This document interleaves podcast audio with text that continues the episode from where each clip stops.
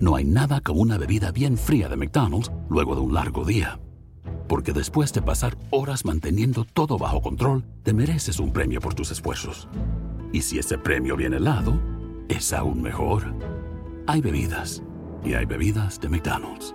Ponle sabor a tu día. Tu sweet tea, sweet tea lemonade o lemonade favorito está a solo 1.49 en cualquier tamaño. Precio y participación pueden variar, no puede ser combinada con ninguna otra oferta. Para pa pa pa. مين مطربك المفضل؟ أم كلثوم؟ وردة؟ طلال؟ محمد عبده؟ طب شاعرك المفضل؟ نزار؟ شوقي؟ السياب؟ بدر بن عبد المحسن؟ طب تتبنى فكر مين من الأدباء؟ القصيبي؟ الرافعي؟ طه حسين؟ الوردي؟ ما أقدر أجاوب عنك لكن اللي أقدر أقوله إن نتاجهم الأدبي والفني ما جاء من فراغ ولا ضربة واحدة ورا كل عمل لهم في حكاية وأنا هنا طلال الحربي راح أحكي لكم هذه الحكاية هل سمعت أحد يقول إن المرأة أقل وأدنى من الرجل في العقل والفضيلة؟ وهل توافق الرأي؟ هل صحيح بأن المرأة بحكم طبيعتها يجب أن تطيع وبس؟ هل نظرة فلاسفة العهد القديم والحديث في المرأة صحيحة؟ هل كراهية شوبنهاور للنساء مبررة؟ هل كانت شخصية العقاد الزرائية للمرأة أم تأثر بشخصية شوبنهاور؟ هل كانت هدى شعراوي السبب في عداء توفيق الحكيم للمرأة؟ هل معقول أن العقلية الوأدية لا زالت موجودة وقابعة في عقول الكثيرين في زمن تمكين المرأة ولا هذه ظاهرة قديمة وانتهت؟ كل هذه الأسئلة وأكثر راح نجاوب عليها في حلقة اليوم بعنوان الميسوجينية أكيد سمعتوا سعيد صالح في مسرحية العيال كبرت لما قال جملة أغلبنا يشوفها ما لها معنى أو خروج عن النص. لما قال وسأطالب بتحرير المرأة ثم القضاء على المرأة. في نفس الوقت ولا لا الجملة لها معنى لأنه في ذاك الوقت كان في فريقين أو حزبين. أحدهم كان يحاول تحرير المرأة والآخر متحفظ على هذه الفكرة. يقولون المرأة بعقليتها الطفولية سخيفة وتتميز بقصر النظر. المرأة أدنى من الرجل في العقل والفضيلة. داروين حسب قول العالم التطوري جولدي وانت كان يؤمن إيمانا عميقا بأن مرتبة المرأة أقل بكثير من مرتبة الرجل خاصة في الحديث على الصراع من أجل البقاء. وكان يضع البله والمعاقين والمتخلفين والمرأة في خانة واحدة.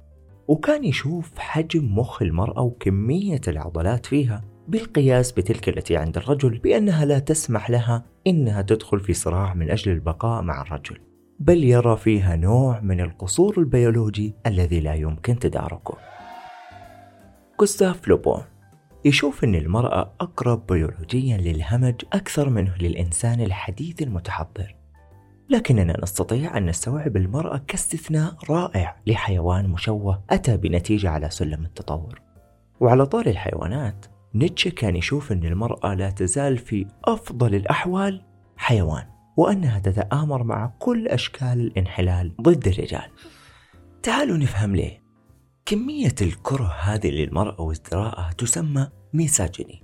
ووفقا لنظرية مناصري حقوق المرأة فإن الميسوجيني أو كره النساء يمكن أن يتجلى لعدة صور منها التمييز الجنسي واحتقار النساء والعنف ضدهم واعتبار المرأة كأداة جنسية. يقابل هذا المصطلح مصطلح آخر يعرف بكراهية الرجال misandry. ويعارض مصطلح philogyny وهو ما يعرف بعشق النساء أو الولع بهن. وكراهية الرجل تأتي ضد مصطلح philandry. والتي تعني حب وقبول وتقدير الرجل وعلى الرغم من انتشار كراهية النساء بين الرجال على وجه التحديد إلا أنها تمارس أيضا من قبل النساء تجاه بعضهم البعض عرف الاجتماعي آلان جونسون كراهية النساء بقوله ما هو إلا تصرف حضاري لكره الإناث بسبب كونهن إناث يا لطيف وش تفهم من هذا الكلام؟ وش المقصد بالحضاري؟ أنا ما شفت تطرف أكثر من كذا. لطالما ظهرت كراهية النساء كسمة بارزة في الأساطير القديمة في مختلف الأديان. بالإضافة لذلك تم وصف العديد من الفلاسفة الغربيين المؤثرين بكارهي النساء. في جاك هولاند دلائل كراهية النساء في العهد القديم التوراة في قصة سقوط الإنسان. في كتاب سفر التكوين في كراهية النساء إنه أقدم تحيز في العالم. وشخص حادثة سقوط الإنسان كخرافة تلام فيها المرأة على معاناة وأوجاع البشرية. في اليونان القديمة في كتاب مدينة سقراط مقدمة إلى أثينا الكلاسيكية لجي دبليو روبرتس يقول إن كراهية النساء تعد تقليدية في الأدب اليوناني وهي أقدم من الكوميديا والتراجيديا قديمة جدا كعهد هيسود على الأقل.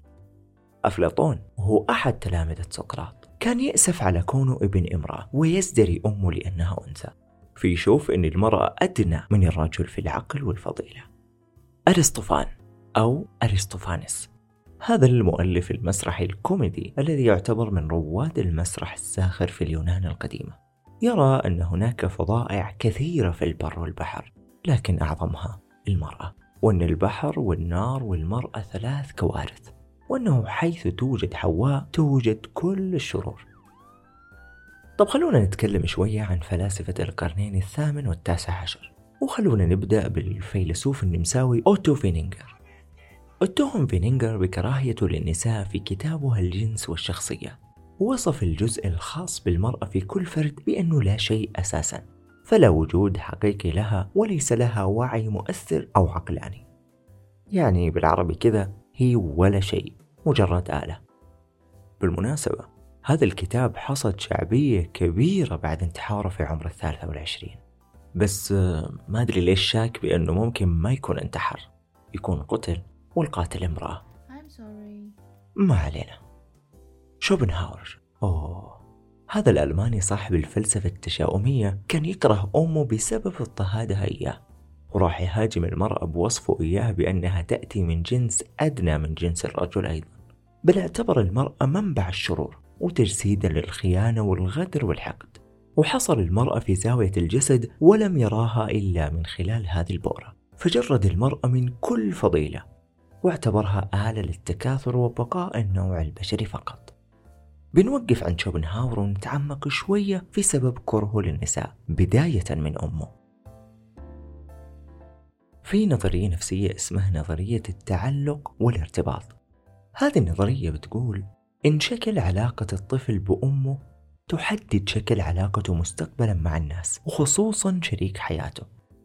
هي أربع أنواع لكن بنتكلم عن نوع واحد بس واللي يخص شوبنهاور واللي هو نمط التعلق الخائف. وش يعني هذا الكلام؟ يعني لما تكون علاقة الطفل بأمه مبنية على الخوف يصير عندنا رجل لا يشعر بالأمان متجمد المشاعر وممكن بعدين يطلع هو الطرف اللي يهجر في العلاقات. طب ليه؟ أقول لك ليه. لأنه يخاف ينهجر فبالتالي يكون هو الطرف القاسي والمعادي. نرجع لموضوعنا. لم يقتصر احتقار المرأة وازدراءها على فلاسفة العصور القديمة وبس بل استمرت بعض المذاهب الفلسفية الحديثة بتكريس التمييز والعنصرية ضد المرأة. خلونا نقرب بالزمن شوية عباس العقاد الذي قيل عنه بأنه عدو المرأة بسبب آرائه ومقالاته التي وصفت بأنها عنصرية ومتطرفة. وياما هاجموه بسبب غروره الدائم واستهانته بقدرات المرأة ووصفها بالتافهة أحيانا. نقدر نقول أنه تأثر بفلسفة شوبنهاور المعادية للمرأة حتى وصف بشوبنهاور الشرق. اللهم أن الفرق بينهم أن العقاد كان يتحدث عن والدته في كتاباته بشكل أشبه بالتقديس. أما عن كراهيته للمرأة فهي بسبب علاقات عاطفية فاشلة. كثير من كبار رجال الفكر وجهوا للمرأة سهام النقد والسخرية. إلى حد قول بعضهم النساء كلهن شر وشر ما فيهن قلة الاستغناء عنهن. يقول الدكتور محمود زناتي في كتابه الفريد طرائف العادات والمعتقدات إن بعضا من مشاهير الرجال على مر العصور ناصبوا المرأة جانب العداء وحاولوا النيل منها باعتبارها مخلوقا أدنى من الرجل الذي ينبغي أن يكون في تقديرهم السيد المطاع. ازيك يا أمين. إن شاء الله تسلم يا سي السيد. اللي أبغى أوصله من هذا كله إن العداء للمرأة مش مجرد ظاهرة عارضة ارتبطت بتطورات اجتماعية معينة بل هو عداء قديم عبرت عنه بعض من أكثر العقول البشرية شهرة. عدو المرأة لقب أطلق على الكثيرين ولعل أبرزهم في مجتمعنا الأدبي والعربي هو الكاتب والأديب المصري الكبير توفيق الحكيم. توفيق الحكيم كان من رواد الرواية والكتابة المسرحية العربية ومن الأسماء البارزة في تاريخ الأدب العربي الحديث. سمي تياره المسرحي بالمسرح الذهني لصعوبة تجسيده في عمل مسرحي. عاصر الحربين العالميتين وعاصر عمالقة الأدب في تلك الفترة مثل أحمد أمين والرافعي وطه حسين وعمالقة الشعر مثل أحمد شوقي وحافظ إبراهيم. وعمالقة الموسيقى مثل سيد درويش وزكريا أحمد والقصبجي وعمالقة المسرح المصري أيضا مثل جورج أبيض ويوسف وهبي والريحاني. كما عاصر فترة انحطاط الثقافة المصرية حسب رأيه في الفترة الممتدة بين الحرب العالمية الثانية وقيام ثورة يوليو من عام 1939 إلى عام 1952 يقول توفيق الحكيم عن سبب شهرته بلقب عدو المرأة إن السبب في هذا الاتهام يرجع إلى السيدة هدى شعراوي بسبب مهاجمته أسلوبها في تشكيل عقلية المرأة المصرية وخاصة البنات. نجي للحكاية. وكيف تحول هذا الرجل من عدو للمرأة إلى معجب محب يطلب الزواج من إحداهن بشروط غريبة؟ خلوكم معنا. توفيق كان يمتلك شقة مطلة على النيل واللي يصفها أحمد بهاء الدين بأنها كانت تزدحم بالكتب وتخلو من الأثاث والديكورات. لم يكن لتوفيق الحكيم صديق من بين كل جيرانه غير واحد فقط وكان يعمل ضابطا في الجيش. الضيف الوحيد اللي يتردد على شقة الكاتب الكبير من دون أن يزهق منه أو يمل حديثه أو يضايقه ثمن فنجان القهوة اللي يقدمه له. كان ضابط الجيش وأخته سيادات من أشد المغرمين بمؤلفات الحكيم وآرائه وكان الحكيم يرحب بين الحين والآخر باعتباره الجار الوحيد اللي نال شرف دخول شقة عدو المرأة. وفي يوم من الأيام قالت سيادات لأخوها إن زياراتك لهذا الكاتب زادت على حد الضيافة والواجب يحتم عليه أن يدعوه لزيارته في شقتها ولو لمرة واحدة. وتكون فرصة أنه تتعرف على كاتبها المفضل عن قرب وتناقشوا وتحاوروا فبدت عليه ملامح الاقتناع. وجاء موعد الزيارة المرتقبة وراح الحكيم بقدميه لذاك الفخ. الفخ اللي نصبته له سيادات. واللي وصفت اللقاء الأول بقولها لم أتبهرج لتوفيق لأبهر بجمالي. لم أهتم بالبودرة والأحمر. وإنما تعمدت أن أتبهرج له ثقافيا. حاولت أن أستعرض أمامه معلوماتي عن كل ما كتب وقد ذهل من اطلاع الواسع على كتبه ومؤلفاته. أدمن توفيق زيارة صديقه الوحيد وحس إن في شيء خطير يتحرك جوا أعماقه. كالوحش الكاسر يحرك مشاعره يدغدغ ضلوعه ويحركه كالمسحور إلى بيت هذه الجارة. حاول أنه يمنع نفسه يسترد كبرياءه كعدو النساء. لكنه كان يفشل في كل مرة ويكاد يبكي على عرشه اللي اهتز بشدة أمام الآنسة سيادات لم يلبث طويلا أن أحس الحكيم أنها تراه الرجل الوحيد في العالم. فدخلت قلبه من باب لم تطرقه امرأة من قبل. أوبا! وقعنا في الكمين. يقولوا اللي ما يقدر عليه الشيطان تقدر عليه المرأة. وإن الشيطان أستاذ الرجل لكنه عند المرأة تلميذ طيب وش صار بعد الكمين؟ طلبها توفيق للزواج عشان بس يرضي قلبه لكنه حط شروط قاسية ومعجزة عشان توافق عليها. اسمعوا الشروط. أن لا يعرف أحد أننا تزوجنا لأنني أريد أن يبقى هذا الزواج سرا ولا تعرفه إلا أسرتك. وألا ينشر هذا الزواج في الصحف لا تلميحا ولا تصريحا. وأن أسافر وحدي إلى الخارج دون أن يكون لك الحق في السفر معي. ولا نستقبل ضيوفا في بيتنا سواء من الرجال أو النساء. وألا أصحبك في نزهة أو رحلة. وأن يكون مصروف البيت 200 جنيه لا تزيد من لمن واحدا وألا أكون مسؤولا عن مشاكل البيت والخدم. وأن تكون مشاكل كل الأولاد من اختصاصك. وألا تطلبي مني سيارة. وأن تعامليني كطفل صغير لأن الفنان طفل صغير يحتاج إلى الرعاية والاهتمام. وأن يكون بيتنا هادئا بلا ضجيج أو خناقات أو أصوات تزعجني لأتفرغ لكتابة ما أريد. وأن ينام كل منا في حجرة مستقلة ولا تتدخلي في عملي. يا ساتر. طبعا كان يتمنى إنها ترفض شرط واحد بس منها عشان يحط مبرر يقنع فيه نفسه بالهروب من هذا المأزق العاطفي. لكن المفاجأة اللي ما توقعها الكاتب الكبير هي موافقتها على كل شروطه. أعلنت استسلامها أمام كل طلباته ورفعت الراية البيضاء لتوهمه أنه انتصر ووصل إلى عاصمة الأعداء.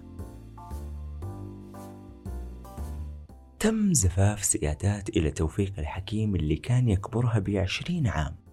ومع الوقت ألغت بنفسها كل الشروط اللي وضعها الحكيم قبل الزواج. بل كان الحكيم في غاية الرضا وهو يتنازل عن شروطه شرط ورا شرط. نجحت هذه الجارة إذا في إسقاط مملكة عدو المرأة. ومو بس كذا حتى على صعيد كتاباته. فبعد شهر من الزواج كتب مقال يتضمن عبارة يقول فيها الحب ليس غير الحب هو وحده الذي يستطيع أن يجعل حياتك سعيدة. خلاصة الحكاية. كراهية النساء إذن هي سمة بارزة منذ الأساطير القديمة في مختلف الأديان.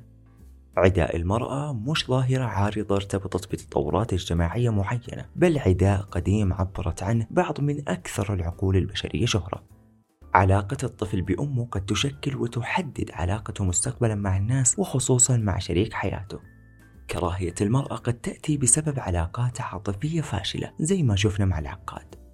أفكارك وقناعاتك التي تظن أنها لن تتغير قد تتغير وفي فترة قصيرة بل يقال أن مدة 45 ثانية فقط كفيلة بذلك. قد يأتي التغيير بسبب موقف أو شخص قريب كان أم بعيد فها هو الأديب الأشهر بعدائه للمرأة يتنازل عن لقبه وعن شروطه كلها ويكتب الحب ليس غير الحب هو وحده الذي يستطيع أن يجعل حياتك سعيدة. في نهاية هذه الحكاية أقول الرجل والمرأة كجناحي الطائر ولن تتوازن الأسرة والمجتمع وتنطلق إلى الأفضل بدونهما. فالنساء شقائق الرجال وكل منا يكمل الآخر. وقد جاء الإسلام برفع الظلم عن المرأة وأوصى بحفظ حقوقها وإعلاء شأنها بعد أن كانت قبله مسلوبة الحقوق والإرادة. كما أوصى بها نبينا عليه الصلاة والسلام في آخر أيامه بقوله استوصوا بالنساء خيرا. شاركونا آراءكم حول هذا الموضوع ومين الشخصية اللي ودك نحكي فيها في الحلقات القادمة؟ هذه كانت الحكاية. ألقاكم على خير وفي أمان الله.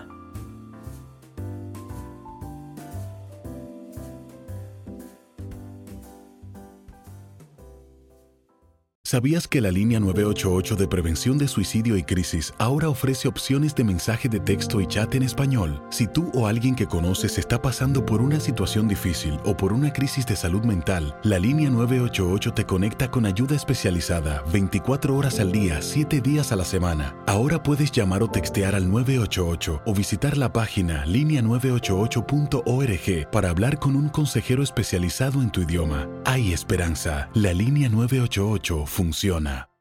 No hay nada como una bebida bien fría de McDonald's luego de un largo día. Porque después de pasar horas manteniendo todo bajo control, te mereces un premio por tus esfuerzos. Y si ese premio viene helado, es aún mejor. Hay bebidas. Y hay bebidas de McDonald's.